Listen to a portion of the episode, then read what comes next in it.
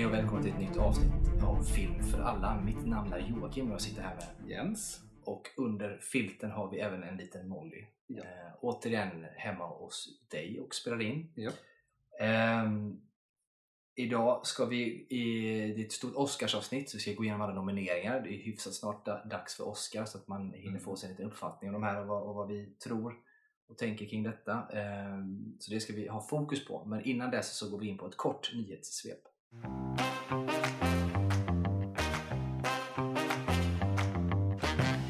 Nyhetssvepet denna veckan har egentligen eh, två korta nyheter. En som eh, vi kan nämna lite kort och sen en som kan vara lite, lite intressant att diskutera kanske men som också finns väldigt lite kring. Eh, Mm. den första nyheten är ju då att vi har ju pratat om serien The Peripheral som har gått på Amazon som, som vi pratade om att den har varit rätt bra men den är också lite rörig och den Mm. slutar lite så här och att den kanske kan ta sig en säsong två och sådana vidare. Men nu visar det sig att det kommer en säsong två.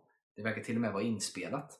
Eh, Jaha. ja, eh, så pass. Det såg jag för att en av skådespelerskorna som är med, hon som också spelar Harry Potter, Katie Leung, Ja, ja. eh, som är med, eh, la ut där att eh, säsong två kommer och eh, det verkar som att de hade antingen helt klara eller i alla fall på väg och håller på att spela in det. Så att eh, det Ja, kommer en säsong två. Ja, det är bra. Så behöver man inte vänta jättelänge heller. Nej precis och så tänker jag också att man, eh, att den, eh, för den, den har ju potential. Jag tänker att den kanske Ja. ta sig lite nu för nu har det ändå hänt ganska mycket som man vill följa upp då i säsong två. Så det är ändå kul, det är en Ja. nyhet som vi kommer med. Eh, nästa nyhet som egentligen är väldigt, verkligen eh, ryktesväg och som är där då är ju eh, att Sony som har äger Spider-Man-rättigheterna egentligen, de har ju då hjälpt Marvel med att de har gett bort lite eh, Sony kan göra då med det här nya som har med Tom Holland, Peter Parker och så vidare. Eh, de har ju inte lyckats så väl med sina andra filmer som, som Venom eh, till exempel, som också fått lite hjälp in i, i Marvel-världen nu om man såg Ja. senaste eh, Venom och sådär, eller senaste eh, Spider-Man framförallt så ser man det. Ehm, men nu ska de göra en frikopplad superhjältestory som är frikopplad från allt i Marvel, eh, MCU och allt vad det heter. Eh, och det är det som kallas för Spider-Man Noir. Eh, Mm. och för er som inte vet vad Spider-Man Noir är så är det alltså en, det är en, det är en noirfilm, en, en sån här mörk noir 1930-tals eh, film eh, som då ska utspela sig och det är inte Peter Parker som är Spider-Man utan det är någon annan då. Som är någon form av, ja, vi får väl se vad det blir, någon detektiv. Ja, det Historia finns då. ju serietidning som är eh, Spiderman Noir. Ja, Eh, har man sett eh, animerade Spiderman the Spider-Verse så eh, ju, spelar ju Nicolas Cage Spiderman Noir i den. ja. Eh, Och så det finns ju rykten som är så här att oh, kommer han spela i den här? Många menar ju att de vill ju ha honom till den här eh, i den här nya då, att han skulle spela den här Spider-Man Noir-karaktären även här då. Men det får vi se hur det landar. Ja, kanske inte. Nej, kanske inte, eh, tänker jag. Men vi får som sagt se. Det är många som tycker att när det går rykten nu så kan man lika gärna ta honom för att han har ju spelat det innan och sådär. Så att, eh, ja, vi får väl se eh, vad det blir. Men det är ändå lite coolt att de gör det. Och man kan ju hoppas att de för en gång skulle lyckas med någonting. Ja, alltså de har ju visat eh, om och om igen Sony att de inte kan göra eh, liksom, cinematic universum. Eh, det funkar inte för dem hur mycket de än försöker så det kanske är bättre väg att gå och göra liksom, enskilda filmer. Ja, senast är ju Morbius som eh, de försökte sig Ja. på och den var ju katastrofalt dålig. Ja. Eh, precis som allt annat tyvärr som de gör också. Sen tycker jag i och för sig om man ska vara lite schysst så tycker jag att The Amazing Spider-Man 1 och 2 är rätt bra. Eh, Ja men det är också återigen eh, ett failure att, att bygga en större. ja, gud ja, De absolut. försökte ju göra något större så, och det gick inte. Nej, utan där misslyckades de. Men de är rätt bra som filmer i alla fall. Eh, Ja det sätt. är de. Jag tycker, ja. Eh, med Andrew Garfield som är kanske, han är ju den kanske minst omtyckta av, av alla Spidermans just nu. Och sådär. Men han är ju oförtjänt av det, han är ju duktig och de gör det bra Ja. i den. Men däremot så har ju då alltså Venom-filmerna och dessutom då Morbius har ju inte varit bra överhuvudtaget. Eh, eh, Man undrar vad de gör då med den här Craven the Hunter som de är, den är ju i stort sett klar antar jag. Den ja, den är ju klar, ja precis. Eh, Och den skulle ju vara en del av. Morbius och Venom och allt det där. Där vår nya Bond spelar i. Eh, Eller eventuellt nya Bond. Så undrar om de kommer liksom bara låta den vara då eller om de kommer försöka tvinga in fortsätta med ett universum. Jag, Får jag man kan, jag får kan man- inte lita på Får, Sony får, någonting. man, får man våga vara så här fräck och säga att om han eh, blir castad som nya Bond så släpper de den. Alltså släpper den gör de ju.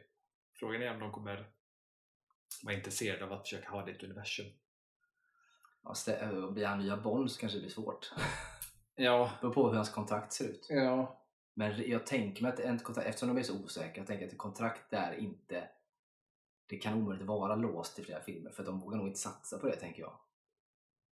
Det, jag tror nog, alltså deras plan var ju säkert eh, alltså att han ska spela rollen i typ minst tre filmer är ju rätt vanligt. Sen behöver det inte betyda att det är tre Craven-filmer utan det kan ju vara att han gör Craven och sen dyker han upp som Craven. Ja, ja, ja, absolut så kan det ju vara. Det är bara det att det beror på hur, hur klausulerna ser ut i kontraktet för det kan ju vara under en viss period och det kan ju hända att det står i kontraktet att han, han har då möjligheten eller rätt att prioritera annat vilket gör att man kommer behöva anpassa produktionen efter när han kan.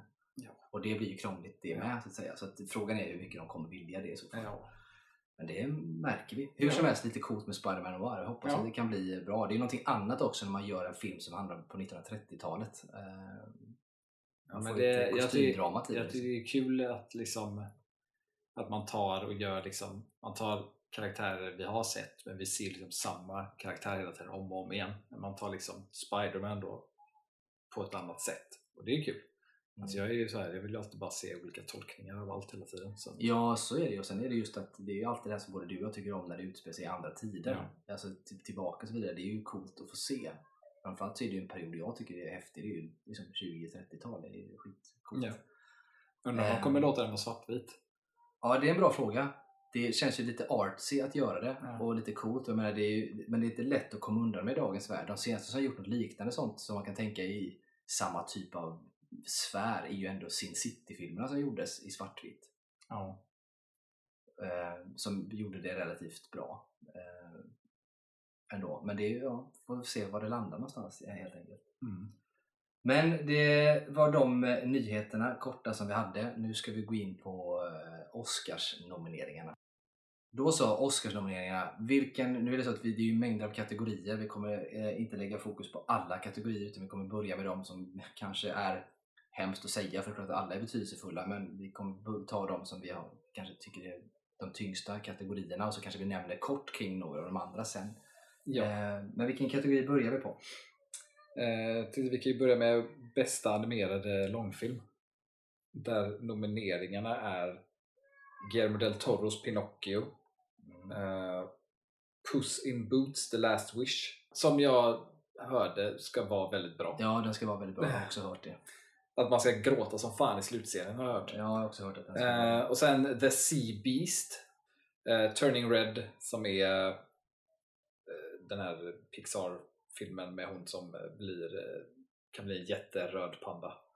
Eh, och sen Marcel The Shell with Shoes On som jag inte ens vet vilken film det är. Nej, nej, det är precis vad det låter som. För att det är, eh, man ser alltså som en liten, alltså som en havs, sån här käll som man hittar på stranden, så här snäcka typ. Mm.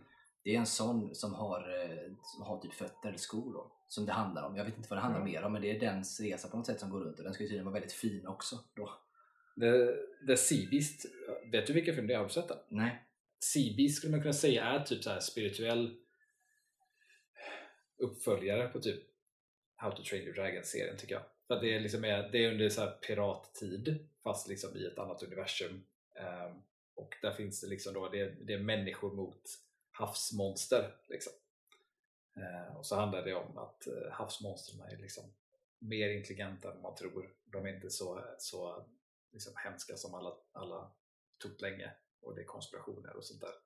Uh, och jag tyckte att när jag såg det, jag tyckte den faktiskt var, var väldigt bra. Alltså rent storymässigt och animationsmässigt och allting faktiskt väldigt bra. Jag hade typ glömt bort att den kom ut 2022. Men eh, ja. Mm. Inte förvånad att den är Ja, nej, men det, är det känns ju om det, den är där då eh, på det sättet så har du då Puss in Boots som har hört väldigt mycket positivt om och även då eh, Turning Red och Marcel eh, The Shell då är ju filmer som jag inte sett dem men som jag har hört ändå relativt gott om. Eh, så är det ju en ganska tuff kategori. Vi har ju då Guillermo del Toros på Pinocchio som jag då har som favorit här. Eh, ja, av, av de filmerna så är det favorit. Av de, nu har inte jag sett Puss in Boots och Marcel the Shell. Nej men baserat ändå på liksom, vad man lagt ner. Och det är lite grann som vad man har lagt ner för tid på det och vad det är för berättelse man har och lite grann vem regissören ändå är. Ja, Eh, att det är lite det talar för att det skulle vara det. Plus att det brukar också vara så att Golden Globe är en liten fingervisning ja. kring, kring hur det blir. Där vann ju Guillermo del Toro. Jag tror inte att någon av de andra var nominerade där ens. Alltså, nej, jag, jag tror ju att Pinocchio vinner den kategorin. Ja, jag är tämligen övertygad om det också faktiskt. För att det är en sån klassisk historia i ny tappning på ett sätt som man inte sett innan och i stop motion dessutom. Däremot så brukar ju Pixar nästan alltid vinna de där. Ja, man får väl se hur det blir. Mm. eh, Men eh, det känns, alltså ja, nej, jag tror, jag tror nog att eh, Pinocchio tar den. Och om inte det är Pinocchio så skulle jag vilja att det var The Sea Beast. Mm. För jag för mig att det var också eh, rätt mycket så här, alltså den var, alltså man kan typ säga animationsform av indiefilm typ. Att den var Mm. väldigt så här, inte jättestor budget med mycket kärlek och sådär liksom. Mm. Ja, men det får man se. Man brukar säga den här klassiska klyschan att det är en ära bara att vara nominerad och så kanske man får se det för det verkar ju verkligen vara bra, bra filmer allihopa i den här kategorin. Ja. Eh, på alla sätt och vis. Men vi går vidare till nästa kategori. Då har vi Eh, Best Visual Effects. Mm. Då har vi ju eh, All Quiet on the Western Front. Ja. Och det är ju en, den finns väl på Netflix eh, Ja. idag. Jag har själv inte sett den. Nej, jag, jag, jag, jag, ska, jag ska hinna se den innan galan. ja, jag tänkte också att jag måste nästan göra det. Jag har ju inte velat se den för att jag först och främst vill läsa boken. Mm. Eh, men det kommer jag inte hinna göra. Så att jag kommer nog behöva se den här jäkla filmen ändå. Men den har ju fått väldigt mycket. Den har varit nominerad i flera kategorier innan och den verkar vara väldigt liksom, populär på många sätt. Så den känner jag att jag behöver se. Jag har också sett eh, nu har jag inte riktigt koll på men jag har också sett eh, alltså mycket stillbilder, filmfoto, cinematografiskt Mm. från den. Och den är ju sinnessjukt snygg sett till, till det. Så att jag tänker mig att den nog har eh, sånt som jag älskar. Mm. mycket, eh, den typen av cinematografi. Eh, så att jag tror att den kan vara bra. Den har vi där. Vi har eh, Avatar då, självklart. The Way Mm. of Water. Inga konstigheter med den. Vi har The Batman. Mm. Robert Pattinson då, som har gjort den.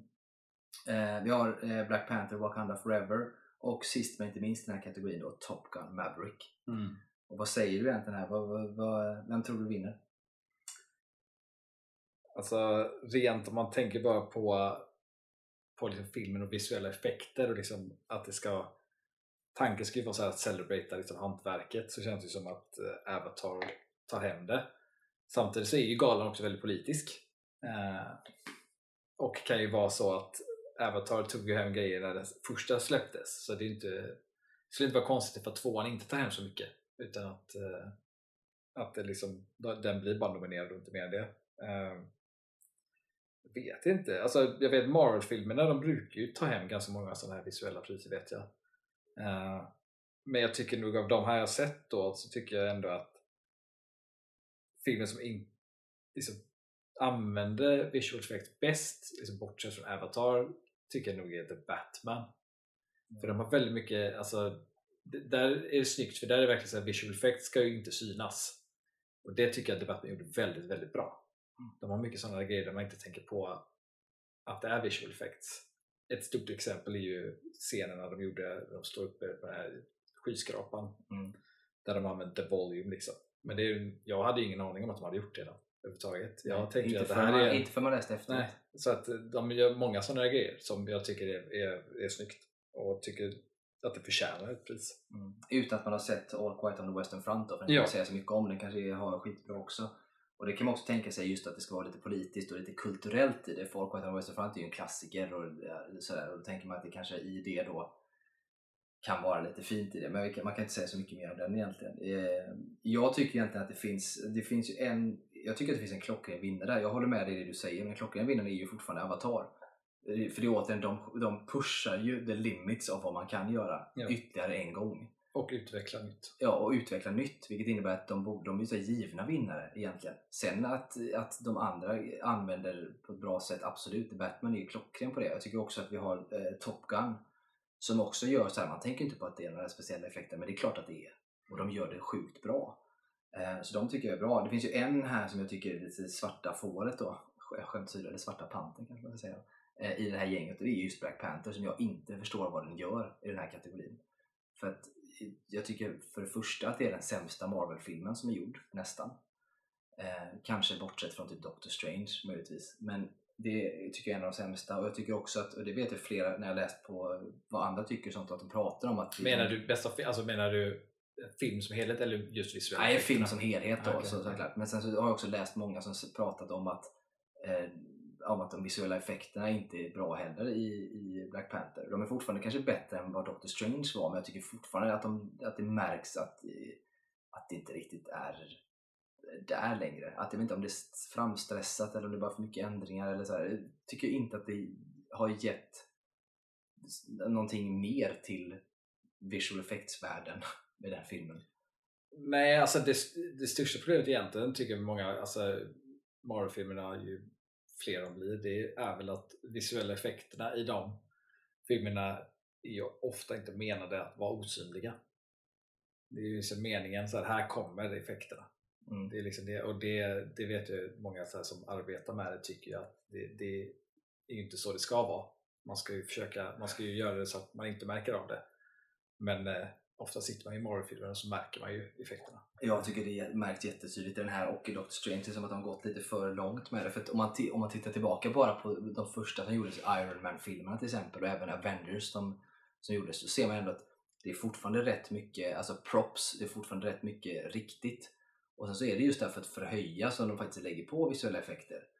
Men sen har det liksom spårat i princip sen Avengers Endgame som var den här stora liksom, Mm. avslutningen så har det nästan spårat i användningen av det för att man får typ nästan, det känns nästan som man har panik för att man måste bygga de här fantastiska världarna mer och mer hela tiden. Och det är det jag tycker lite grann att de har tappat. De har tappat den mänskliga biten av historierna och skådespelarbiten som finns i de tidigare och storyn. Istället fokusera mycket mer på att bara slänga in så stort som möjligt och så mäktigt som möjligt. Ja. Det tycker jag faller tyvärr. Sen vet tror jag också rent visuellt, det har ju varit så mycket med Marvel där att man har ju fått reda på att de betalar ju sämst också till visuella företagen. Eller Ja. de som gör effekterna eh, och ger mindre tid och sånt och det Ja. märks ju. Ja, och det är lite därför man, det är därför man å ena sidan skulle vilja att de inte vinner så att de alltså, verkligen får veta att det här duger inte. Ja. Å andra sidan så hade man ju velat för att de lägger nog ner jävligt mycket tid och har det jobbigt de som jobbar med det så på det sättet vill man ju att de vinner. Ja, man vill ju att de, de som har gjort effekter vill man ju att de, att de ska vinna. Men man vill ju inte ge Marvel-filmerna, alltså de som betalar, eh, mer så cred att ja, men det Nej, går att göra så här. Nej, precis, då kan de fortsätta göra det. Ja. Alltså, oavsett, jag tycker att den i alla fall inte Jag tror inte den kommer vinna. Nej, jag, nej, jag tror inte, jag hoppas tror Den är nominerad bara för att det är eh, Marvel-film tror jag. Ja, För det är nästan alltid Ja, och för att det är den här, du vet, det är hyllning till Chadwick Boseman. Eh, Ja. Det är också så här, vad heter hon, Angela Bassett som fått massa bra Ja. för det här, vilket jag också är helt förvånad över. Men skitsamma, men det är mycket sånt i det. Som, det är lite politiskt i det också. Och så. Ehm, så att, nej, jag vet inte, jag tycker att det finns en klockren vinnare i just Avatar. Jag skulle bli väldigt, väldigt förvånad om det inte blir den som vinner. Men det är som sagt, det återstår att se. Eh, tänker jag. Men eh, vi hoppar över direkt till nästa kategori som lite grann tangerar detta kan man säga. Och det är Eh, Best Production Design. Mm. Och vad innebär detta då egentligen? Eh, alltså det är ju, vad ska man säga, eh, hur filmen ser ut och har designats. Och det involverar ju liksom hela filmen så det, det har ju liksom ingen, ingen betydelse om det liksom är, är datoranimerat eller inte. Mm. Utan det, det spelar ingen roll, det är liksom det som man har producerat fram och det vi ser. Ja, i Ja. princip kan man säga att det handlar ju, det finns ju bäst, alltså eh, kostym och sånt, alltså det, det finns ju. Ja. Men det här ingår ju liksom, delvis är det ju kanske en liten bit av det, men det är också set pieces och Ja, man kan säga typ att alltså, om, man, om man tar typ kostym och så tar man eh, scenografi och makeup och allt det. Allt det går ju under paraplyt production ja, design. precis. Så liksom. att det, är, det är en helhetsbedömning kan man säga i det. Även om man då specifikt kanske inte är bäst i just kostym eller makeup så är man liksom som helhet det absolut bästa då. Och där har vi vad då för något? Där har vi eh, Det som är intressant är det också att de skriver i nomineringen också att det just är eh, set decoration de syftar på. Eh, Ja, det står production design och sen set decoration också. Så det är som olika. så då är det ju All Quiet on the Western Front, Mm. Avatar, The Way of Water, Babylon, Elvis och The Fablemans. Mm. Där är det ju också, nu, jag har sett alla förutom All Quiet on the Western Front. Då. Eh, Jag har sett alla utom den och Elvis. Elvis har jag inte hunnit med. Det är ju hemskt jag ska se och rent alltså produktionsdesign på alla de här filmerna så har jag svårt att se vem jag skulle tycka vinner för att alla har svinbra design. Mm. Alltså, alla har gjort ett svinbra jobb på helt olika sätt. Vilket gör det ännu svårare. Mm. Jag tycker både, eller de som egentligen är närmast varandra för mig på något sätt, det är Elvis och Babylon. Mm. För båda de är väldigt, det är väldigt mycket och det är Mm. stort och det är liksom grand. Det är som när, när eh, människan är på topp på något sätt i, i eh, liksom, om man ska representera galna liv och sådär. Uh, The Fablemans är ju mer subtil design men också väldigt bra för att det är, liksom, det är en, periodfilm. Liksom. Mm. Det är ju de andra två också men på helt andra sätt. Och det är alla utom Avatar i periodfilmer om man ska vara sån. Ja. Sen är ju Avatar intressant tycker jag just i det här eh, just eftersom att jag vet ju att de producerar ju mycket för att sen liksom när de ska göra saker digitalt, att de producerar det och så liksom skannar de in det sen och, och liksom lägger till det. Eh, men på en skala så är ju Avatar störst i det här och har gjort typ mest egentligen. Och att de har hela liksom utvecklingen eh, för att komma dit de behövde komma. Så på det sättet känns det som att det bör vara ett pris till dem. Rent, alltså dels hur filmen blev men också hela utvecklingen av vad man har gjort. Eh, men jag skulle nog vilja se att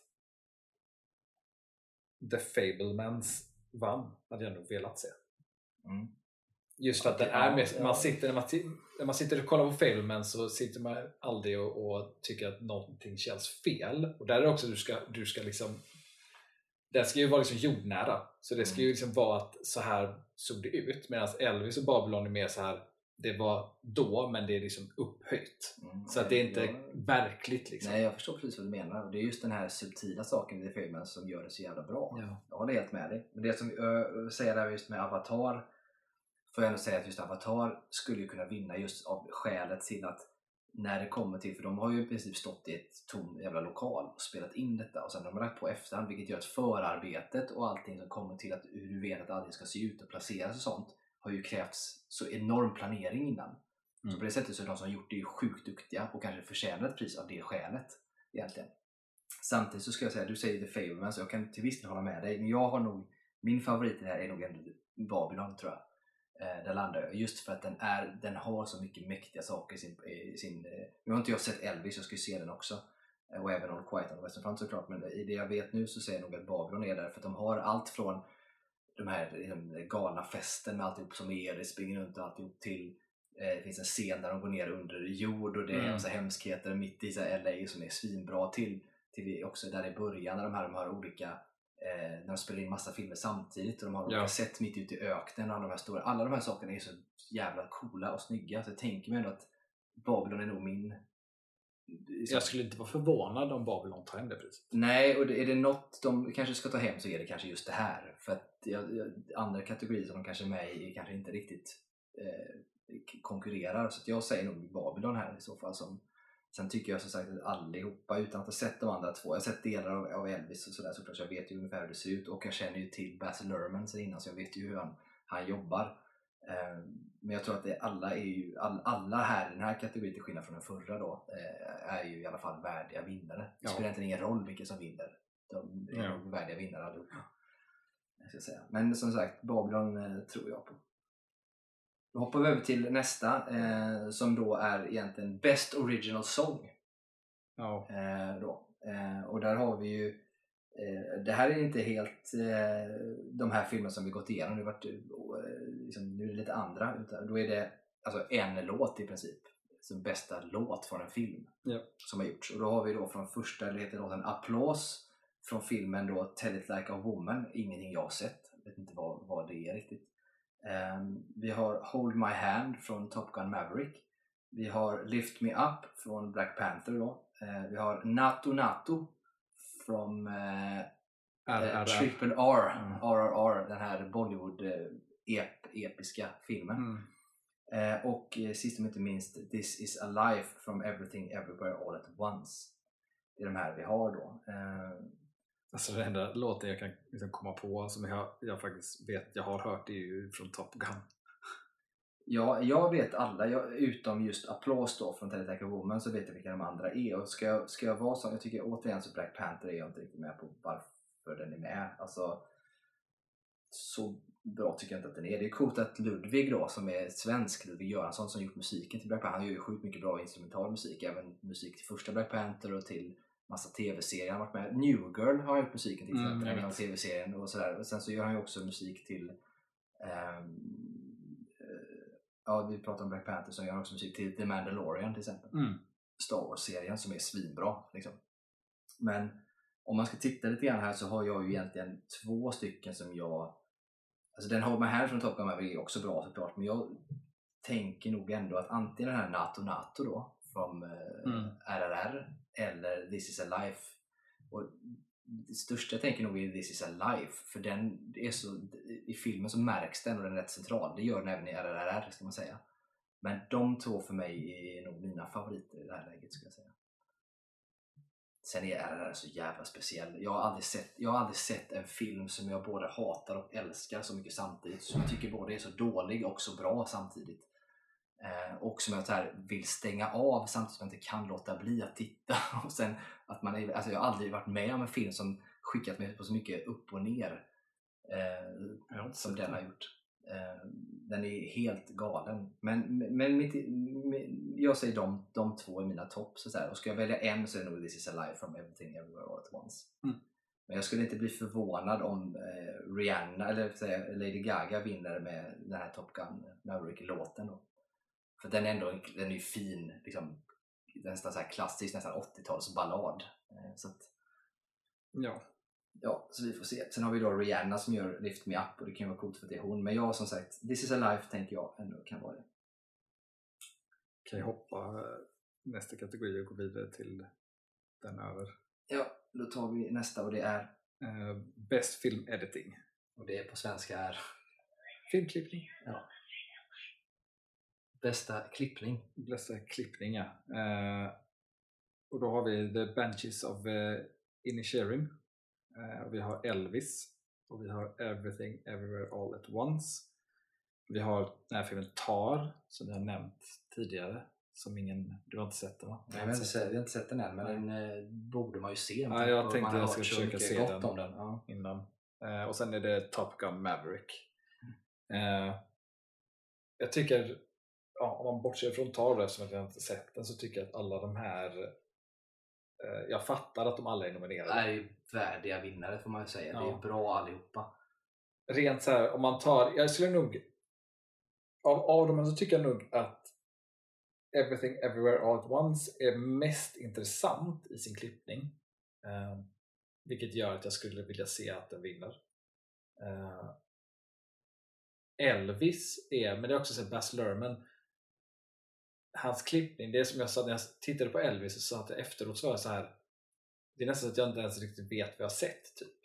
Alltså för att det är så mycket och jag sitter under, under hans filmer, speciellt under Elvis, så, så blir jag, eftersom jag sitter, kan inte låta bli liksom analysera saker när jag tittar på filmer liksom. Mm. så sitter jag och tänker på hur de har gjort saker. Och i hans jävla klippning han gör så blir jag så här, för mig är det typ omöjligt att att man har suttit i, i klippning liksom och bara så improviserat någonting i, i sättet han gör film på utan det måste vara så förplanerat och då blir jag också så här, hur fan kan han förplanera vissa klippgrejer han gör? Alltså jag är så här, hur kan han veta att han vill ha det på det sättet? Det här är så spännande att du säger, för det här, det här vet jag att man pratar väldigt mycket om. Nu är det inte han som står för alltså, att vinna här, utan det är ju två andra Ja. killar som heter Matt Villa och eh, Jonathan Redmond. Men det intressanta är precis det du säger nu, för det säger de som är med i filmen och som gör det och så vidare, för att han är ganska involverad själv i klippningen. Eh, och det många säger är att hur fan vet han? Du, även när han regisserar så många säger hur Ja. vet han hur det ska se ut? Ja. Och han, han, när jag får prata om honom så framstår han som ett geni just för att han har allt det här i huvudet och får till det. Ja. Så på det sättet så är det ju coolt och jag har inte sett Elvis själv. men, Men, det, det, är, det är så många sådana. Men om, om man tar, för har sett Moulin Rouge till exempel. För i Mm. Moulin Rouge är det ju mycket sådana här vet, svepande liksom, sekvenser, svepande kameror som Mm. rör sig in i något annat Mm. och så snurrar saker och så även i Romeo och Julia. Ja. Men Elvis är liksom det här på steroider. Alltså det är så extremt av det. Det är så mycket sånt där. Det är så här smågrejer som händer. Typ att någonting snurrar runt där och så leder det in någonting annat på ett annat ställe och så går det runt. Jag blir så här, hur, hur kan han liksom ha haft storyn i huvudet och samtidigt gjort det här? Och visst, man kan storyboarda jättemycket men det är alltid saker som händer på sätt Han som man inte är det, beredd tror på. Men han gör ju inte storyboards på det sättet. Det är också Ja. grejer de pratar om att han har inte Ja, det här det är storyboards. Utan det är typ att han dyker upp på set och sen så bestämmer han där hur det ska se ut. Typ. Och det är också någonting egentligen, alltså om man Sjuka tänker filmklippning, alltså sådär. Så är det så, nu vet inte jag om just de här två som är nominerade där, om de har arbetat med honom i alla hans filmer eller inte. Men om man tittar på Baz Luhrmanns filmer så känns ju all, allt det klippmässigt känns det ju som att det liksom eh, är samma regissör. Mm. Vilket gör att det är ju, är ju skickligt av klippare att kunna få fram det regissören vill och att det känns, speciellt om de aldrig varit med förut. För då har de haft väldigt bra samarbete med regissören. Eh, Så att jag, jag skulle inte vara förvånad om det vinner, men jag skulle vilja att det är Everything Everywhere All At Once. Mm. Jag eh, får ju då säga att jag tycker att eh, att eh, jag har ju inte sett Elvis, jag kan inte säga så mycket om den. Everything, det var den jag tänkte på också. Jag har ju två där egentligen. Det är ju Elvis-filmen. Och den som jag tycker också går lite kanske under radarn. Everything Everywhere All At Once är ju intressant klippt för den hoppar så mycket i många olika sätt och det är viktigt att hålla koll på dem för den, sådär, att, att det ska bli liksom coherent och hänga Ja. ihop. Så den är ju väldigt noga i det. Sen så tycker jag då att nu har jag inte sett alla de här, men jag tycker också att Top Gun är en sån som man bör faktiskt tänka på. Just för att du vet, de här eh, stridssituationerna och klippa Mm. ihop så att man får ihop en, också en röd tråd och en historia och man förstår liksom, när de här flygplanen flyger omkring, kan ju bara vara att de flyger omkring, men man klipper liksom ihop det till att det blir en handling i Ja. detta hela tiden. Så att nästan de här flygplanen är som karaktärer själva och få till den klippningen är jävligt svårt. Det tänkte jag på när jag såg den, bara helvete att sitta och klippa detta och göra. Så att jag tänker nog utan att ha sett Elvis till exempel då, så tänker jag ändå att mina två favoriter är Everything Everywhere All Once och Top Gun är de, de jag som skulle tycka se. Med det sagt så tror jag att alla här är som sagt, Ja. värdiga vinnare Ja. i det läget. Men eh, någon av dem hade jag tyckt var helt okej faktiskt. Kan ju hoppa då till eh, Ja. Best. Cinematograph. Nej, fan. Cinem cinematography. Ja. ja, filmfoto helt enkelt. Bästa, Bästa filmfoto. Mm. Eh, där är ju All Quiet on the Western Front nominerad igen. Mm. Eh, Bardo, Mm. False Chronicle of a Handful of Truth, inte sett. Eh, Elvis, eh, Empire of Light, vet jag inte heller vilken det är faktiskt. Och så är det Tar.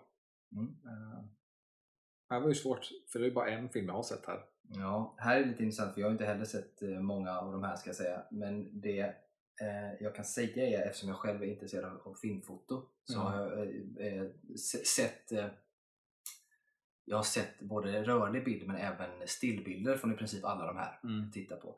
Sen ska jag ju avslöja att min, en av mina absoluta favoriter är med här. Och det är ju Roger Deakins. för Ja, Empire hans Light. namn ploppar ju ut liksom. Ja, eh, Empire Light. Roger Deakins gjorde bland annat Blade Runner eh, 2049 och sådär. Det är en sjukt eh, fantastisk eh, filmfotograf. Ehm, sen har jag också sett de andra. Både All Quiet on the Western Front är fantastiskt foto det jag har sett och även den här Bardo som jag tänkte vad fan är det här för någonting? Men den är så jävla snygg. eh, och även Empire of Light och Tar. Så jag kan säga i den här kategorin, bara för att jag gillar Roger Deakins så skulle jag vilja att han vinner för den sakens skull. Men om man ska basera bara på vad jag kort har sett så skulle jag nog säga att antingen då Roger Deakins eller den här Bardo Mm. möjligtvis, typ de två. Men annars så säger jag att det spelar fan ingen roll. Här skulle vem som helst kunna vinna och det är verkligen, verkligen en värdig vinnare. Eh, riktigt bra filmfoto eh, allihopa egentligen. Så Bardo, så jag såg att det är Alejandro eh, Iñárritu rätta, ja precis. The som har gjort den, som har regisserat den. Ja. Och hans filmer, med vilken, jag vet inte om han alltid arbetat med samma eller inte, men hans filmer är ju alltid jävligt snygga. Eh, Mm. Men sen också i liksom bä- bästa filmfoto, det, är- det är ju inte bara heller, eller för mig är det inte bara heller att, att hur, hur det ser ut, det är också hur man använt Mm. kameran. Eh, och då känns det ju som, alltså, jag kan förstå varför Elvis är nominerad i den. För att där, där tror jag det är samma sak med klippningen, där, att, att, att fotot har varit så pass liksom, bestämt. Alltså han måste vetat så väl vad han liksom vill ha ut från sin filmfotograf för att få det att funka i klippningen. Så där eh, kan jag förstå. Däremot så tycker jag liksom att Elvis rent här, bara filmfoto, det är liksom så jävla mycket. Alltså, så att det, det Ja, jag tror inte att den vinner. Alltså, Nej, möjligt. Men jag tror så att de är bra allihopa. Sen tänker jag att just All Quiet on the Western Front, den kan kanske ta det just för att det är krigssituationer på ett sätt. Och får man till ett snyggt foto i det, den är ändå med här. Och det jag har sett av filmfotot i den är ju snyggt. Och gör man det här då så att det känns som att man är mitt i det är lite grann som Saving Private Ryan. Jag vet inte om den vann bästa filmfoto, men det borde den nästan ha gjort. i Ja, men det, är, det, det är ofta, om jag kommer ihåg rätt, så är det ofta så här, alltså, krigsfilmer som har vunnit sådana grejer. Ja, för det är just att man får den här känslan av att befinna sig Ja, på plats exakt. och man använder kameran på rätt sätt. Så den skulle eventuellt kunna poppa in som en vinnare här, Ja. tänker jag. Filmfotot. Men Det, det, säger mycket att den är nominerad i så många kategorier. Så att, Ja, lite så. Trots det, så det var ju samma sak när den var på Golden Globe. Den var nominerad ganska mycket där också, men den har inte vunnit något. Vilket är väldigt spännande. Att den går ju upp mot väldigt tuffa Ja. filmer, men den är ju som, det verkar ju verkligen vara som en helhet en väldigt, väldigt bra film. Mm. Sådär. Eh, måste vara hemskt att vara precis sådär. Du är bra. Ja, du är kanske den totalt bästa filmen, men du är ändå inte den bästa filmen. Men du är inte heller den bästa i någon av kategorierna, Nej. utan du ligger hela tiden Ja. liksom second hand. Ja, den är bra, men det tror jag som sagt på eh, att det kan bli något sånt i alla fall. Så vi får väl se där också. Ja. Jag älskar Roger Deakins. Det... Ja. Ja, nästa. Best Original Screenplay. Mm. Så det är ju bästa manus från en, en eh, originell idé helt enkelt. Ja, originell idé. Det är alltså inte gjort från en bok eller Nej. från något sånt utan det är skrivet direkt. Och där är ju The Banshees of Inisherin, eh, Everything Everywhere All At Once, The Fablemans, Tar och Triangle of Sadness. och här, gud, alltså, här, jag tycker den här kategorin alltid är lite så svår för mig att, att bedöma eh, vad jag tycker. Typ att dels är det inte bara att det ska vara ett bra manus utan det ska också vara en, en, en bra idé på något sätt. Ja, Eh. och en bra film. För jag tycker att alla, nu har jag inte, av alla de här så är det Tar den jag inte har sett. Eh, och jag tycker att alla de här är, är välskrivna som fan. Jag har ju inte heller sett Tar och jag håller med dig. Och jag skulle inte, här, och, och tyvärr tror jag att den här kategorin kan vara så här att den blir eh, rätt politisk. För att om man då tar Triangle of Sadness av Ruben Östlund, han eh, har ju varit nominerad tidigare, men då i kategorin internationell bästa film liksom, eh, och inte vunnit. Ehm, och har vunnit mycket så här, festivalpriser och sånt med andra filmer. Och jag vet att det tidigare så här, när, när, när regissörer inte har vunnit liksom när man tror att de ska ha vunnit så kan det ofta vara så här att, att de får ett, pris året efter eller nästa film de gör.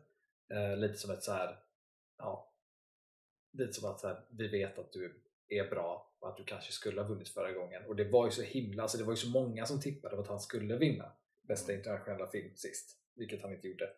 Ja, det var The Square. Det var Square. Um, och Triangle, Triangle of Sadness är väldigt välskriven. Ehm, så att jag skulle inte vara förvånad om den vinner. Eh, däremot, alltså om man tänker så här, om jag tänker st- storyn och hur den är skriven och hur det har liksom blivit film så vill jag att Banshees of Inisherin vinner det här priset. Mm. Ja, det är, spä- det är spännande. Jag tycker att Banshees of Inisherin är så, om man, funderar på så här original screenplay, visst det är en bra i, i, alltså, idé och så där vidare. Men så tänker jag ändå att, för jag tror han, har ju, han är ju nominerad där, jag tror att han till och med vunnit någonting för screenplay också. Martin McDonough eh, som skrivit den och regisserat den. Eh, jag, jag, vet, jag tycker att den är skitsvår. Jag tycker att alla är så jäkla bra och jag tänker också lite politiskt där för att The Fablemans är ju då Steven Spielberg som i princip gör en biopic om sitt eget liv. Vilket gör att så här, det är fint, folk tänker att det är fint och han är så gammal nu så han kanske får pris för det för att han vågar öppna sig typ och att det blir en sån grej. Lite amerikanskt. Ja men det kan också vara för att det är inte, vad, jag kan komma ihåg, jag kan ha fel, eh, vad jag kan komma ihåg så eh, brukar inte Steven Spielberg vara nominerad i manuskategori. För att han är sällan med som liksom, huvudmanusförfattare. Han brukar nästan alltid använda manusförfattare och så är han involverad i det. Eh, Ja, så där kan det också vara att, att det är första gången han är nominerad och med en annan då. Men eh, det, det är liksom inte möjligt att det har en avgörande faktor där med. Nej, så kan det vara. Sen har vi ju inte sett Tar som sagt, eh, vilket är synd. Jag tror att den eventuellt kan, kan vara en som man tror kan tycka är där uppe också. Men de som jag tänker, för Banshees är ändå alltså det är en ganska långfan, långsam film på många sätt och den har ju sina subtila så här, konnotationer och den är väldigt intressant på det sättet.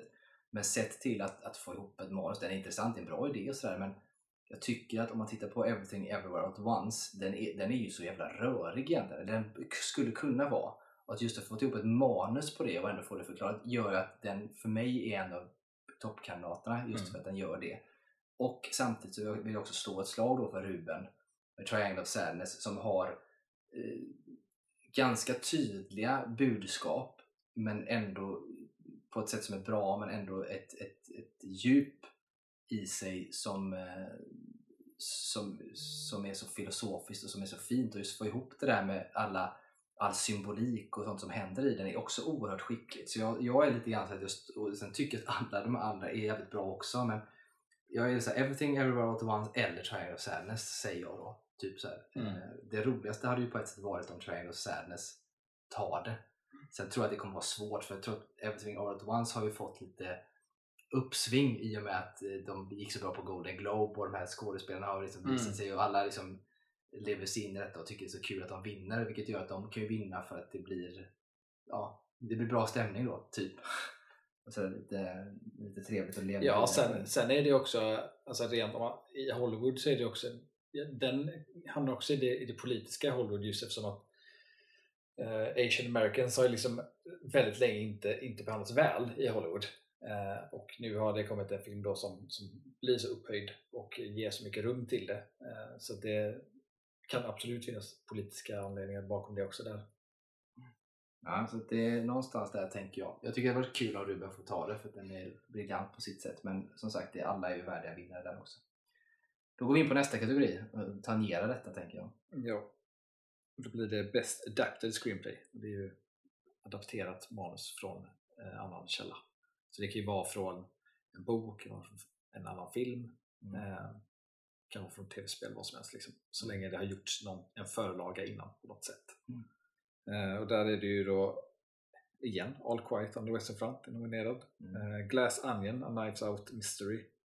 Living, eh, som jag inte har sett. Top Gun Maverick och Women Talking som jag inte heller har sett. Nej, jag har inte heller sett. Och det här tycker jag är spännande. Jag, jag tycker det var spännande här för Glass Onion. Är den med för att det finns en, en första film? då? Ja, exakt. Eh, bara för att det, jag blev såhär, men vänta nu, den är ingen bok. Så här. Men det är Nej, ju för att det finns en, en finns första. förlaga. Ja. Eh, och det är Ryan Johnson då, den är ju skitbra. Eh, sen har vi då Living som jag ser här som är då skriven av Kazuo Ishiguro Mm, eh, som är författare och jag gillar ju Kazuo Ishiguro. Han har ju skrivit eh, massa, bland annat eh, Återstoden av dagen har han skrivit bland annat och så eh, Klara och solen är en annan känd. Han är ju en japan, alltså han är född i Japan och så vidare men sen har, flyttade han ju och pluggade, pluggade i England och Mm. var en del av, av det brittiska och bor ju där än idag tror jag. Så han är ju typ en britt-japan kan man säga. Ja. Så han är fortfarande en väldigt så här, Återstoden av dagen är en väldigt, väldigt brittisk historia till exempel. Eh, men han är ju japan, han är ju briljant på sitt sätt. Nu har inte jag sett Living så jag vet ju inte alls hur den är. Eh, sen så jag har jag inte sett alla här eh, så jag kan inte säga så mycket om, om eh, All Quiet on the Western Front till exempel men eftersom den ändå nominerade så många och verkar vara så bra tänker jag att den skulle kunna knipa det. Eh, samtidigt så måste jag ändå säga att jag tycker att Top Gun Maverick gör det jävligt bra för den bygger ändå på storyn på, på ett bra jäkla sätt. Ehm, det jag tycker Top Gun Maverick gör bäst av allt rent så här manusmässigt att jag tycker att den har tagit förlagen och gjort någonting ännu bättre. Ja precis, och den, den gör ju det. Det känns ju fortfarande som jag tycker, det, det håller ju kanske inte du riktigt med om, men jag tycker fortfarande att det känns när jag såg det som, som lite klassiskt Top Gun som man minns det. Inte kanske man tittar om på filmen nu, men den känns det fast man har liksom gjort det i dagens värld på något sätt och det är ändå skickligt att kunna göra det. Ja, top, ja men jag tycker att Top Gun Maverick känns, om man tittar på den, det känns precis, det känns som att den gav känslan som man tyckte att man fick när man såg första filmen. Mm. Däremot när jag såg om första filmen igen så var inte alls Top Gun så bra. Men eh, tvåan, det är därför jag tyckte att tvåan var så mycket bättre. Den, Mm. den tog Top Gun och gjorde det bra på alla nivåer. Mm. Ja, sen, eh, så jag, ty- jag tycker att den kan absolut vara där uppe. Sen är det ju Glass Onion Knives Out Mystery som jag tycker är så jävla bra och den är ju den är ju så skickligt skriven just för att det är alla de här små sakerna med att du faktiskt kan lista ut vem det är och det är alla de här små grejerna som händer i varenda scen och planerat och, och välskrivet. Så Jag vill att den- Glass Onion ska vinna. Så att, eh, ja, jag måste nog säga att ska jag få välja en som jag vill ska vinna här verkligen så är det fan nog Glass Onion alltså. Ja. För det är en av de mest positiva filmupplevelserna jag har haft nu på sistone som jag ändå tycker var så här, den, den överraskade mig ändå att Mm. den var så jäkla bra som den var. Så att, eh, den kan jag hoppas på. Eh, men vi hoppar vidare till nästa då. Best supporting actress. Ja. Alltså bästa kvinnliga biroll som man säger på svenska. Och då har vi då Angela Bassett från Black Panther och vi har Hong Chau från eh, The Whale. Eh, vi har Carrie Condon, äntligen, ska jag säga, från The Banshees of Inisherin. Eh, vi har Jamie Lee Curtis från Everything Everywhere All At Once och vi har Stephanie Sue från Everything Everywhere All At Once. Och här ska jag direkt gå in och säga, nu har inte jag sett The Whale, vilket jag vill se. Ja, Jag jag vill också se The Whale. Jag är helt övertygad om att, om att eh, Hong Chau är svinbra. Alltså jag tror att hon är det, det tror jag. Men när jag såg Banshees of Inisherin så blev jag lite förvånad över att man inte har, eh, att hon som då spelar systern till, eh, till Colin Farrell, alltså Carrie Condon, inte liksom har varit så någon favorit eller nominerad i, jag vet inte om hon var nominerad under Golden Globe, så jag tror inte det. Jag blev så förvånad för att hon på något sätt ändå typ, hon bär nästan filmen ett tag där och är svinbra. Så att jag, min, min absoluta favorit här är nog Carrie Condon från The Banshees of Inisherin skulle jag säga. Ja, eh, utan att ha sett The Whale då, för att Hong Chau, alltså hon, jag tycker att hon, allt hon gör tycker jag hon är svinbra i. Eh, så jag, jag kan se att, att, att hon är förmodligen svinbra i den också eftersom hon är nominerad. Men eh, av alla de här så är ju Carrie Condon den jag vill ska vinna. Eh, däremot ska jag, både Stephanie Hugh, eller hur man uttalar hennes namn där, och Emily Curtis från Everything Everywhere All At Once är också två som jag tror kan vinna. Ta hem det här priset faktiskt.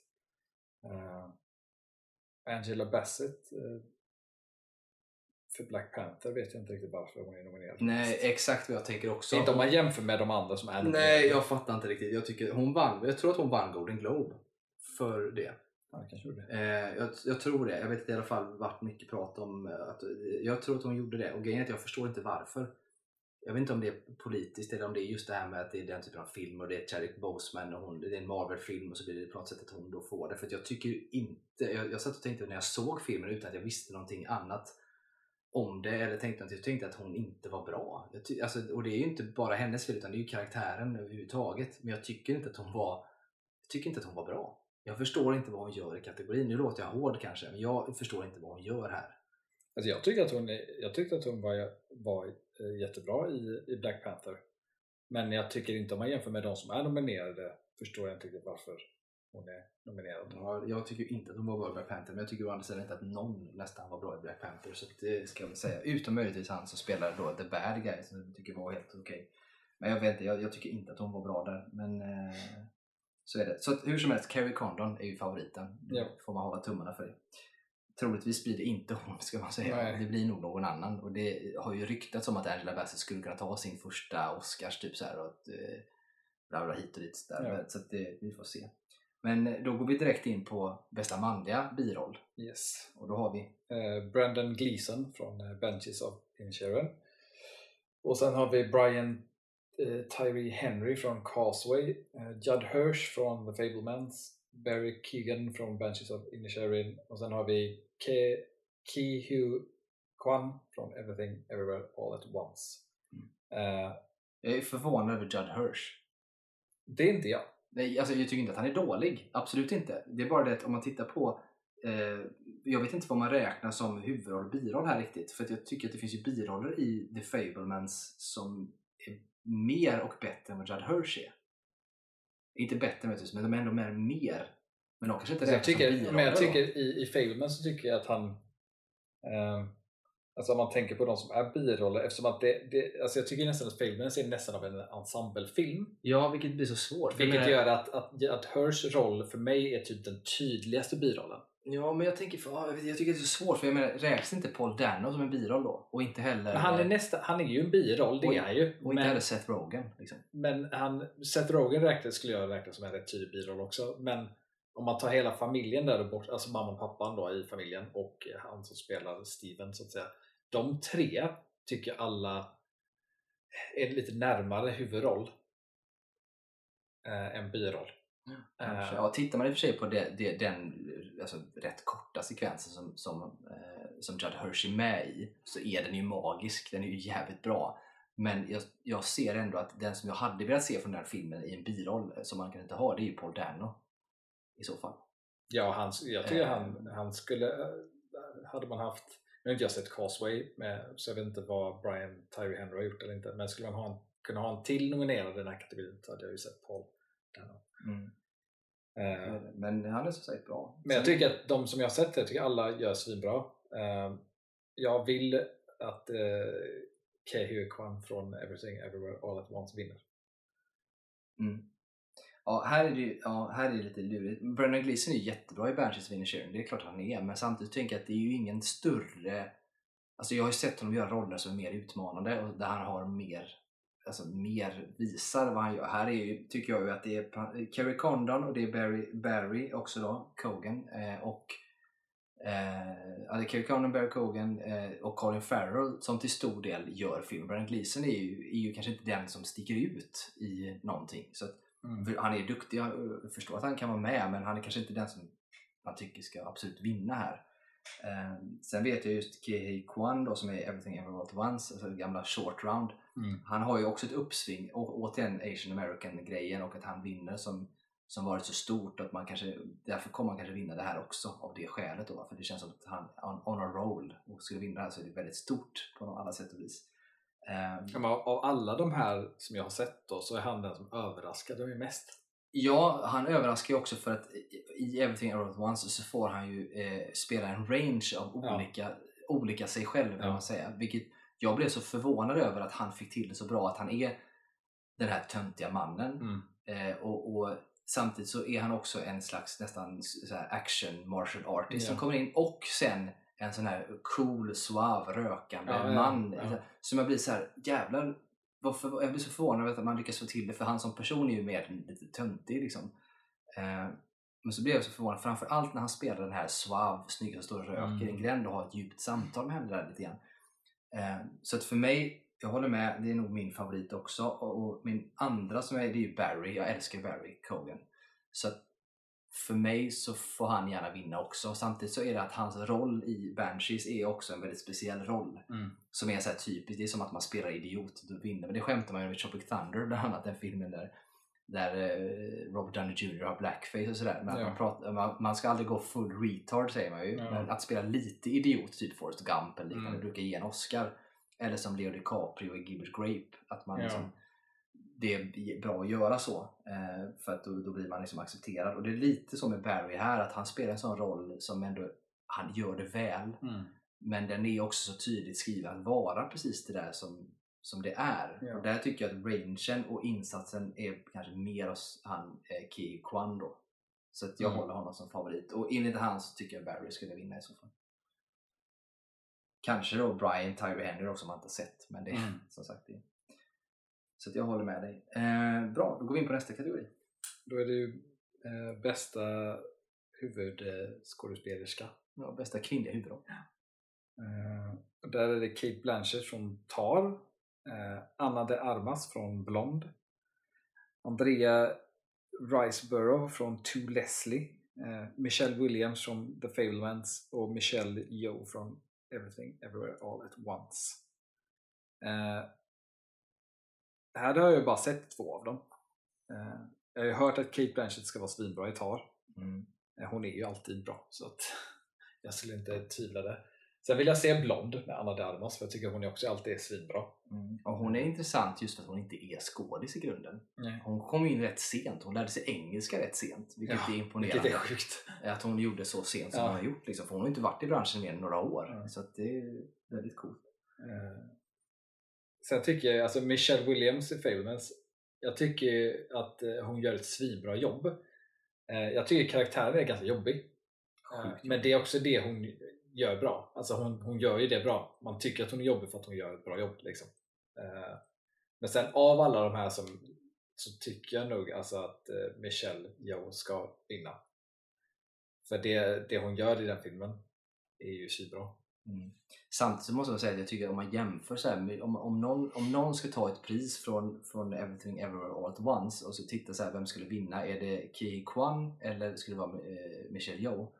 Så landar jag i att Ki Kwan är ju den som är, har bättre insats egentligen. Eh, tycker jag. Eh, Jag vet inte om jag tycker att han var bättre. Jag tycker han, han var bara mer jag var bara mer förvånad över honom. Eh, det jag tyckte var intressant med Michelle var att hon för hon, ju, hon gör ju så mycket action. Det är så mycket Mm. eh, det, är vi ser, det vi ser i väst är ju att vi ser actiongrejer. Så att hon har ju massa action i den här men hon, hon spelar ju mer liksom, jordnära roll.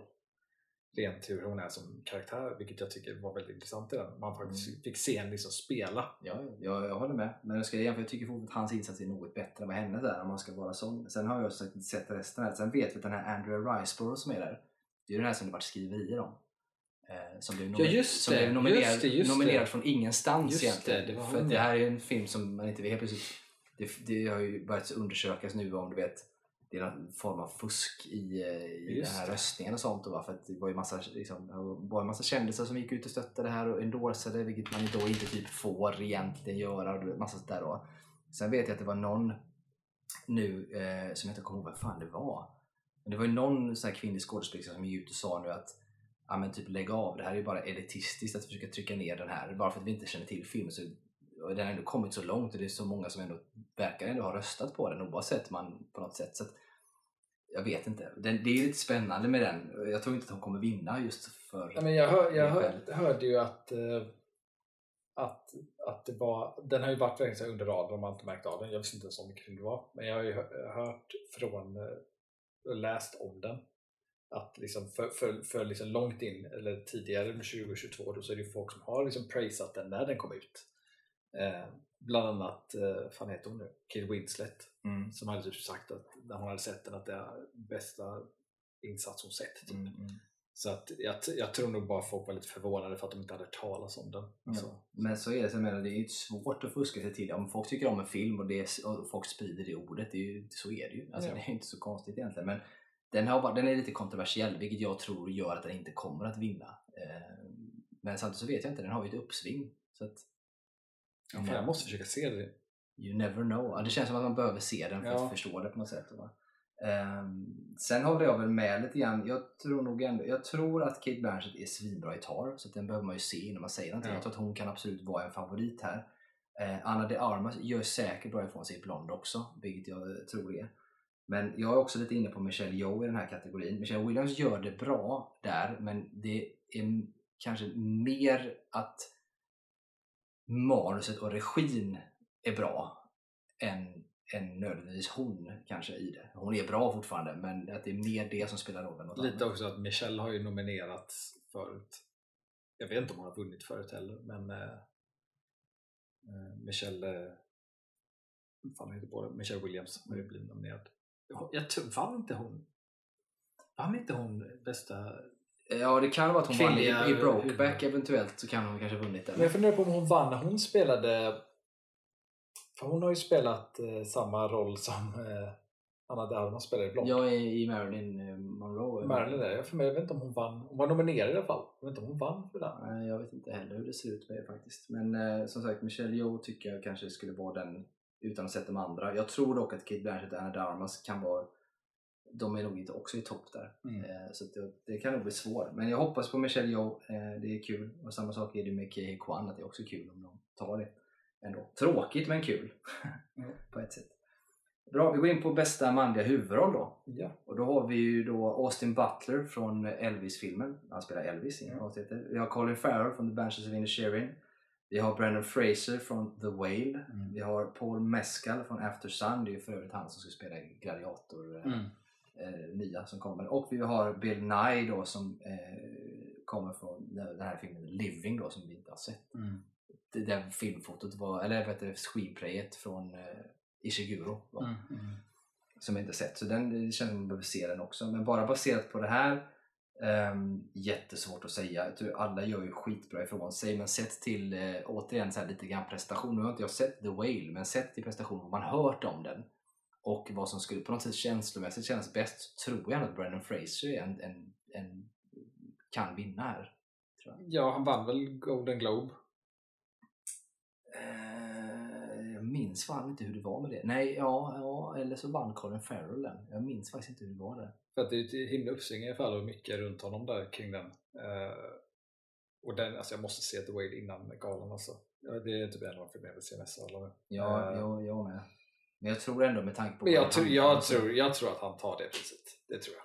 Ja, med tanke på vad den handlar om och att han fått den här åter, liksom, Ja. bli accepterad tillbaka in i Hollywood och allt det här så känns det som att det, man, det känns som att man nästan inte kan annat än att det kommer bli han av det skälet egentligen. Ehm, och att han gör en jävligt bra insats. Ja. Såklart. Det blir någon form av eh, så här, förlåt från Hollywood. Ja, men lite så. Samtidigt så ger han ju kängor till Hollywood till och från så jag vet inte hur mycket det kommer störa i det här men det, det, tror jag kanske inte. Sen är det som sagt att resten som är, är ju skitbra också. Alltså Austin Butler som Elvis är ju, det är ju en tuff roll. Han gör det bra. Samma sak i Colin Farrell, Banshees är ju skitbra också. Så att, eh, det är en tuff kategori men jag, jag håller nog ändå Brandon högst där. Ska jag säga. Mm. Bra, nu börjar vi komma in på eh, de absolut, eh, vad blir det? Det är topp Det är två kvar. två här. kvar här som är toppkategorierna. Då är det bästa regi då, bästa, Bästa regi. regissör. Ja. Och där har vi Eh, Martin McDonough från eh, The Benches of Inisherin. Och så har vi Daniel Kwan och Daniel? Scheinert. Scheinert från Everything Everywhere All At Once. Justin Spielberg för The Fablemans. Todd Field för Tar och Ruben Östlund för Triangle of Sadness. Och här är ju direkt, jag tror att det politiskt skulle kunna gå in då och bli Ruben. Eh, eftersom att han har varit nominerad för och inte vunnit. Och han pushar ju så mycket för att han vill vinna. Det märks ju liksom. Eh, men oh, Alltså om man ska se, för det är alltid så här svårt. Jag vet att folk brukar alltid prata om så här. Eller jag har inte så svårt för att se skillnader men jag vet att andra har det som inte är jätteinsatta. Men att de har lite så här, varför har man bästa regi och varför har man bästa film? Mm. Alltså som två olika priser. Men det är när man ser kategorierna sånt där så tycker jag att man, ser, man kan se tydligt ibland vad som är bra regi och vad som blir en bra film i helhet. Mm. Sen är också, de ändrade ju för några år sedan också att det är så många fler nominerade i bästa film. Förut var det bara fem, nu tror jag att det är åtta eller tio nominerade. Sen kan man också prata om att det är just i, i bästa regi så är det ju ändå regissören som får det. I bästa Ja. film så är det ju producenterna Producenterna, som ja. går upp och tar emot. Eh, men alltså regimässigt av de här så typ, tyvärr tycker jag nog att Spielberg har gjort bäst insats regimässigt eh, i sin Så film. Jag tror att han tog Golden Globe för det. Ja, jag tror också det. Eh, däremot tycker jag att de här två Daniel som gjorde Everything Everywhere All At Once jag tycker att de förtjänar det här priset. För det de gjorde med den filmen. Alltså, dels att de är, eh, inte gjort så mycket eh, men kommer in och gör en film som är så pass bra och har även gett alltså, eh, andra i, i filmen nomineringar. Eh, visar liksom en, en kunskap i att kunna regissera och bygga eh, skådespeleri och berätta. Eh, vilket gör att jag tycker att de förtjänar att vinna det. Eh, jag skulle inte vara förvånad för att Spielberg vinner. Jag skulle heller inte vara förvånad för Östlund tar det. Men jag tycker inte att av, av de här, nu har inte jag sett Tar då, men jag tycker inte att Östlund riktigt har gjort lika bra regi som jag tycker att de här Daniels Spielberg eller Martin McDonough för Banshees har gjort. Ja, alltså det här tycker jag är svårt. Jag, jag, säger, jag tycker att alla här, det kan gå fan som helst, alla kan vinna. Det för mig spelar ingen roll. Jag, tycker, jag tror ju inte att Ruben skulle vinna. Jag tänker fortfarande att de har så jävla svårt att ändå släppa in lite grann pretentiösa människor men också att det är just inte en, är liksom en amerikansk film eller liknande. Va? Det är ju inte alla som är det här på det sättet men att det inte ändå är huvudsakligen. Det är ju engelskspråket i, i Triangle of Sadness i och för sig vilket är därför han är med men, men jag tänker mig fortfarande att det är så svårt att ge pris. Jag tänker att det kan vara hamna i det. Att det ändå blir De har ju bara gjort det en gång förut tror jag och det var ju för eh, Parasite som vann bästa film. Ja men precis att man har lite att det blir så här svårt i, i, i att man ger ett sånt pris på det sättet eh, i det. Jag tror ju också på att jag tror att det eventuellt kommer bli Steven Spielberg. Det är det jag tror eh, ändå. Men ehm, alla här är ju svinbra så jag kanske inte säger- det är skitsvårt. Jag tycker att det är så jävla svårt för de är bra. Jag tror att det är Steven Spielberg som kommer ta det. Eh, om det inte är det så är det nog The Daniels eh, som tar det. Men mitt hopp är ändå på att Ruben skulle ta det. För jag tycker att den i, i mångt och mycket ändå har sån briljans i sin regi sett till att regissera både stora kändisar som Woody Harrelson men även då ha med sig svenska skådespelare som Henrik Dorsin och ändå spela på ett visst sätt. Och, och den här eh, samspelet som, som eh, den här eh, killen eh, som det börjar med och hans tjej Jaja då som sitter där och, och har deras samspel som de har och sättet de agerar på att få till det i regi är också jävligt bra. Så jag vill ju att Ruben vinner men jag tror att det blir Steven Spielberg eller The Daniels. Så säger jag. Jag hoppas på Ruben. Så att, ja, men vi hoppar väl över till den sista kategorin helt enkelt. Ja, bästa, bästa film. film. Och det här Ska har vi ett räkna? Ska antal. bara en, två, tre, fyra, fem, sex, sju, åtta. Ja, det är tio stycken. Tio nominerade. Mm. Eh, och det är ju eh, Women Talking, eh, det är Triangle Sadness, det är Top Gun Maverick, det är Tar, The Fablements, Everything Everywhere All At Once, Elvis, The Banshees of Inisherin, Avatar The Way of Water och All Quiet on the Western Front. Och här, här kan jag säga, här tycker jag nästan, alltså här tycker jag att det är mer förståeligt varför eh, Triangle of Sadness är nominerad som regi än bästa film. Mm. Man tänker bästa film i sin helhet liksom, så tycker jag, alltså om, jag- om jag skulle välja, om jag var tvungen att välja ett av de priserna så hade jag i så fall sagt att, att regi makes more sense att den filmen ska vinna för än bästa film. Mm. Eh, Men ja, det, det har så mycket att göra med att, att Ruben Östlund är så, så speciell i sitt berättande att det blir så här. Jag vet inte, det blir bara att det, som Ja, hans, han- det blir ja. liksom på något sätt hans film. Han är liksom, det är den här svenska autörgrejen som blir. Ja, att, den, det finns ju en risk att den kan vara, för det är ju ändå lite så han är, och den kan ju kanske uppfattas som något otillgänglig för den stora massan i det, vilket gör att det kanske inte då blir bästa film eh, i det läget. men alltså alla de här, det är svår, jag tycker den här kategorin är alltid väldigt svår. Just för att det är så många också. Ja, och dessutom så är de ganska, alltså de, de skiljer sig rätt mycket åt i, i vad det är för typ av film. Ja. Eh, Även om det kan vara draman många av dem så är det ändå skillnad på vad för typ av drama det är. Så att jag tycker att det är jättesvårt. Av alla de här så vill jag att Everything Everywhere All At Once vinner bästa film.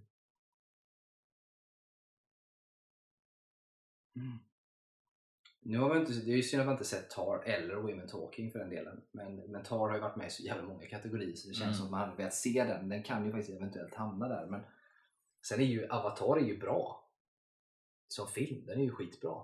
Men det har vi ju diskuterat innan att man ser den första gången man ser den på bio så är det en sak och sen när man väl kanske ser den hemma och så vidare så kanske det är klart att det är en bra film men är den verkligen den bästa filmen? Sett till det. Ja, jag tror att Avatar kan vara en sån här vet inte, vann, vann Avatar 1 bästa film? Eh, jag, tror, jag tror det. För att jag tror att om, om, om den vann bästa film så, så tror jag att tvåan inte har en chans. Ehm, det, och samma sak även, även om den inte vann bästa så tror jag, eftersom att man också vet att det kommer fler, så tror jag att det kan vara en sån här Sagan om ringen-grej. Man väntar in det liksom. Ja, man väntar in det för att där var ju att första som ringen fick ju inte bästa film, inte andra heller, men tredje fick det.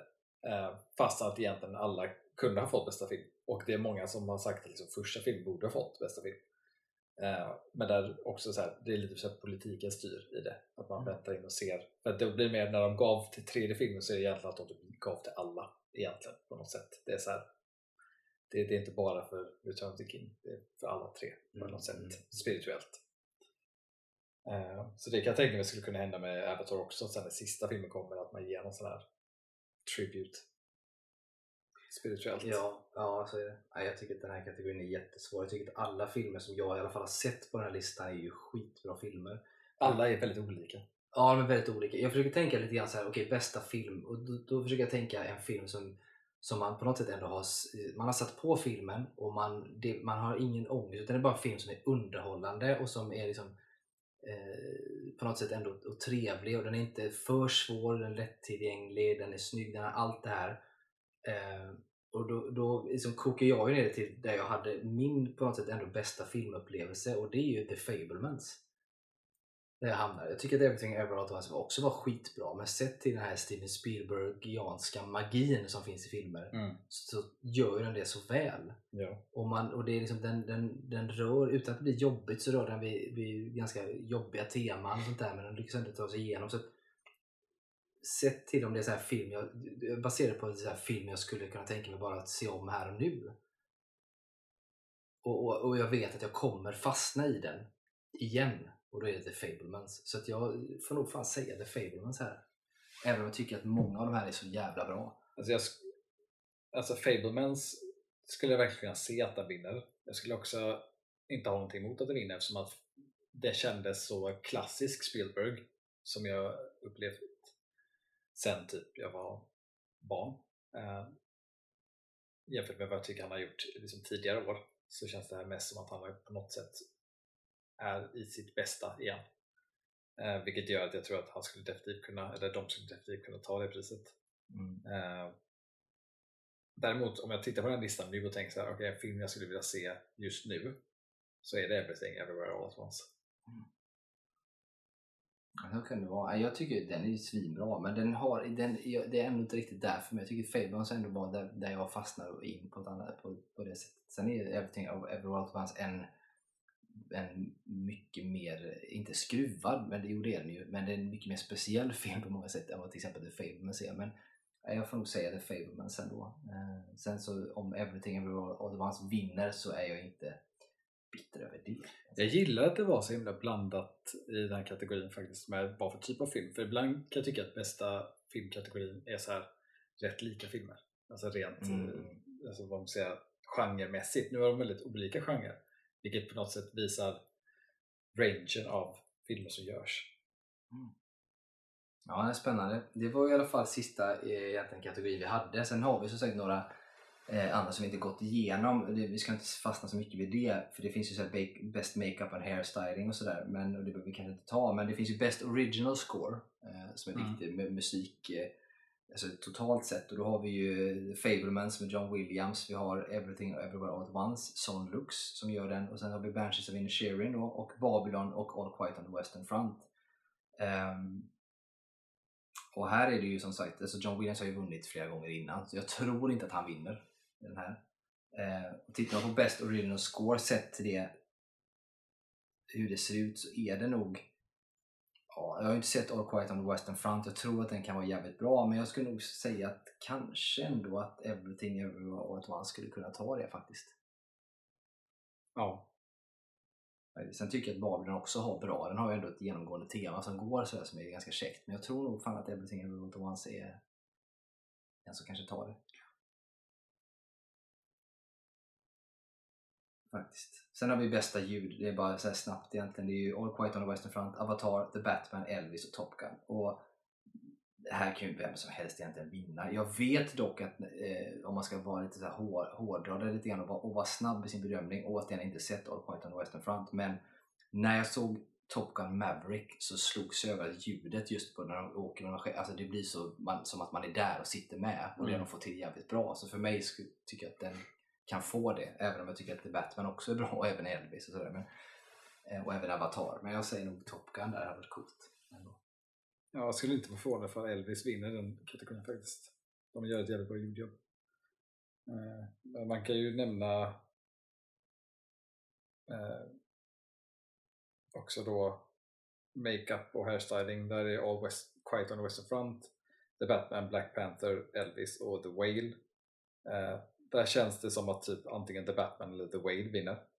Eh, The Whale för Brendan Fraser och han ser ut. Och eh, The Batman, där det stora är ju Pe- The Penguin. Och Colin Farrells eh, makeup, ja den är ju svinbra ska man säga. Den är ju bättre på, på några sätt till och med än vad Brendan Frasers är, om man ska vara så. Och sen är det ju eh, egentligen det sista man kan nämna då, Best Costume Design som är Babylon, Black Panther 2, Elvis, Everything Everywhere All At Once och sen Mrs Harris Goes to Paris. Eh, bara rent av så, här så skulle jag nog säga att jag tycker att Babylon ska vinna det. För det är svinbra kostymdesign i den här filmen. Det är det i alla filmer men eh, jag tycker att de det är alltid coolt när man ska liksom göra någonting som det har varit. Där ingår ju även Elvis då såklart. Men eh, Elvis är återigen så här upphöjt. Babylon är också upphöjt men det är lite mer så här i Hollywood och man försöker ändå vara relativt likt hur det var, tror jag. Mm. Det var de kategorierna. Yes. Så inväntar vi med spänning Oscars helt enkelt så får vi återkomma med ett avsnitt även efter Oscarsgalan och se vad det egentligen föll ut i detta. Ja. Det blir spännande, tänker jag. Mm. Men eh, då släpper vi den biten och går in på eh, vår eh, nya lek, man säger, avslutning för dagen som ni kommer få höra nu.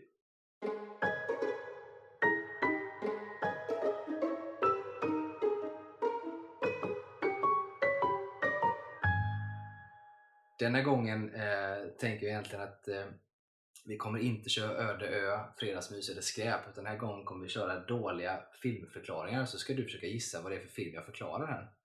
Okej. Eh, och se om du kommer på det. De är inte helt skarpa. Vi, kommer, vi, kör, vi kör tre stycken. Eh, håller det kort och gott så kan ni där hemma också försöka gissa på vad det är för film som beskrivs. Men de här kallas ju för bad plot descriptions på engelska. Okej, så det, ah, okay, så det är eh, story, storyn liksom? som Ja, precis. Okej. precis. Ja. Eh, så ska man försöka gissa då. Eh, Men de är, de, du säger dem på engelska? Nej, jag tror att jag är på svenska. Okej, tänker jag. Eh, det kanske blir lite svengelska Okej. om man inte kommer på det i Ja. tid. Men eh, okej, första då. En familjs första Airbnb-erfarenhet går väldigt fel. Fan. Är det just Airbnb? Nej, inte nödvändigtvis. Det är en bad plot description. Ingen aning. Det är så lite. Så många sådana filmer. Om man tänker så här, en familjs första om man tänker så här, hotellvistelse då. Går väldigt fel. Ja, men då tänker jag ju The Shining. Bra, rätt! Ja, okej. För det var Airbnb det som gjorde mig förvirrad. Ja, det är ju det. För då tänker jag att det är en modern film. Liksom. Ja, det är rätt. Det är The Ja, Shining. The Shining. Eh, Okej, den här då. En präst kidnappar ett barn till en kult och för ett eh, eventuellt framtida eh, äktenskap till en politiker som är dubbelt så gammal. Ingen aning. Ingen gissning. Nej, stå still. Det är en science fiction-film. Och präst är också inom citationstecken. En typ Ja, ja men det typ bör det vara. Men alltså, nej, jag kan, det står helt still. Jag kan inte komma på någonting. Du säger då, det är alltså Star Wars The Phantom Menace. Qui-Gon Jinn som tar Anakin då, och sen så gifter han sig. Hon är ju dubbelt så gammal i första, typ. Eh, Och det var riktigt konstigt. Alltså, jag var inne på Star Wars och tänkte Star Wars, men jag var så här, men det är inte det, det, är inte det som är plotten alls. Liksom. nej, nej, gud nej. Eh, det, det, det är därför de är Nej, jag fattar, jag fattar. descriptions. Att de är så jävla... de Jag var inne på Star Wars, men jag var, jag var inne på eh, de tidigare Star Wars och tänkte, och jag tänkte bara, men det går inte ihop. Men ja, ja. Okej, sista för den här dagen. Ja. Det här är lite halvobskyr också. Eh, grinig emo-brud funderar på om hon ska ligga med ett lik eller en hund över flera år. Alltså, ingen aning. Jag vet inte om det skulle vara enklare om man hörde på engelska egentligen. tar det på engelska för er där hemma också. Grumpy emo chick ponders whether to shag a corpse or a dog over several years. Over several years. Det är också en, en filmserie kan man säga. Den utspelar sig under flera år. Nej, jag vet inte, stå helt still. Ingen aning. Fan vad skumt. Kommer det? Drr, Twilight. Sämsta, Alltså, är sämsta plotten. det, det är ändå, alltså, om, om man ser på till film så är det ändå rätt bra. Egentligen. Men det är ju inte- fel Nej, det, är- det är egentligen Så. bra. Eh, men Jag tror jag hade aldrig tänkt på Twilight någonsin. Den är så långt bort i mitt huvud. Den filmen. Så att jag hade aldrig tänkt ut på Twilight. Nej, nej, Men av alla dem så var den ju mest, mest, uh, mest sense. Ja, fast den här kan vara, vi tar en sista bara för att den är rolig egentligen. Och det är det här då. Eh, jag kör på svenska. En grupp spenderar nio timmar med att lämna tillbaka eh, ett smycke. Lämna tillbaka ett smycke. Mm. Alltså det första jag tänkte på var typ eh, Ocean 13. Eh, En grupp som spenderar nio timmar med att lämna tillbaka ett smycke. Alltså runtime kan jag säga på filmen. Då. Jaha. Ah.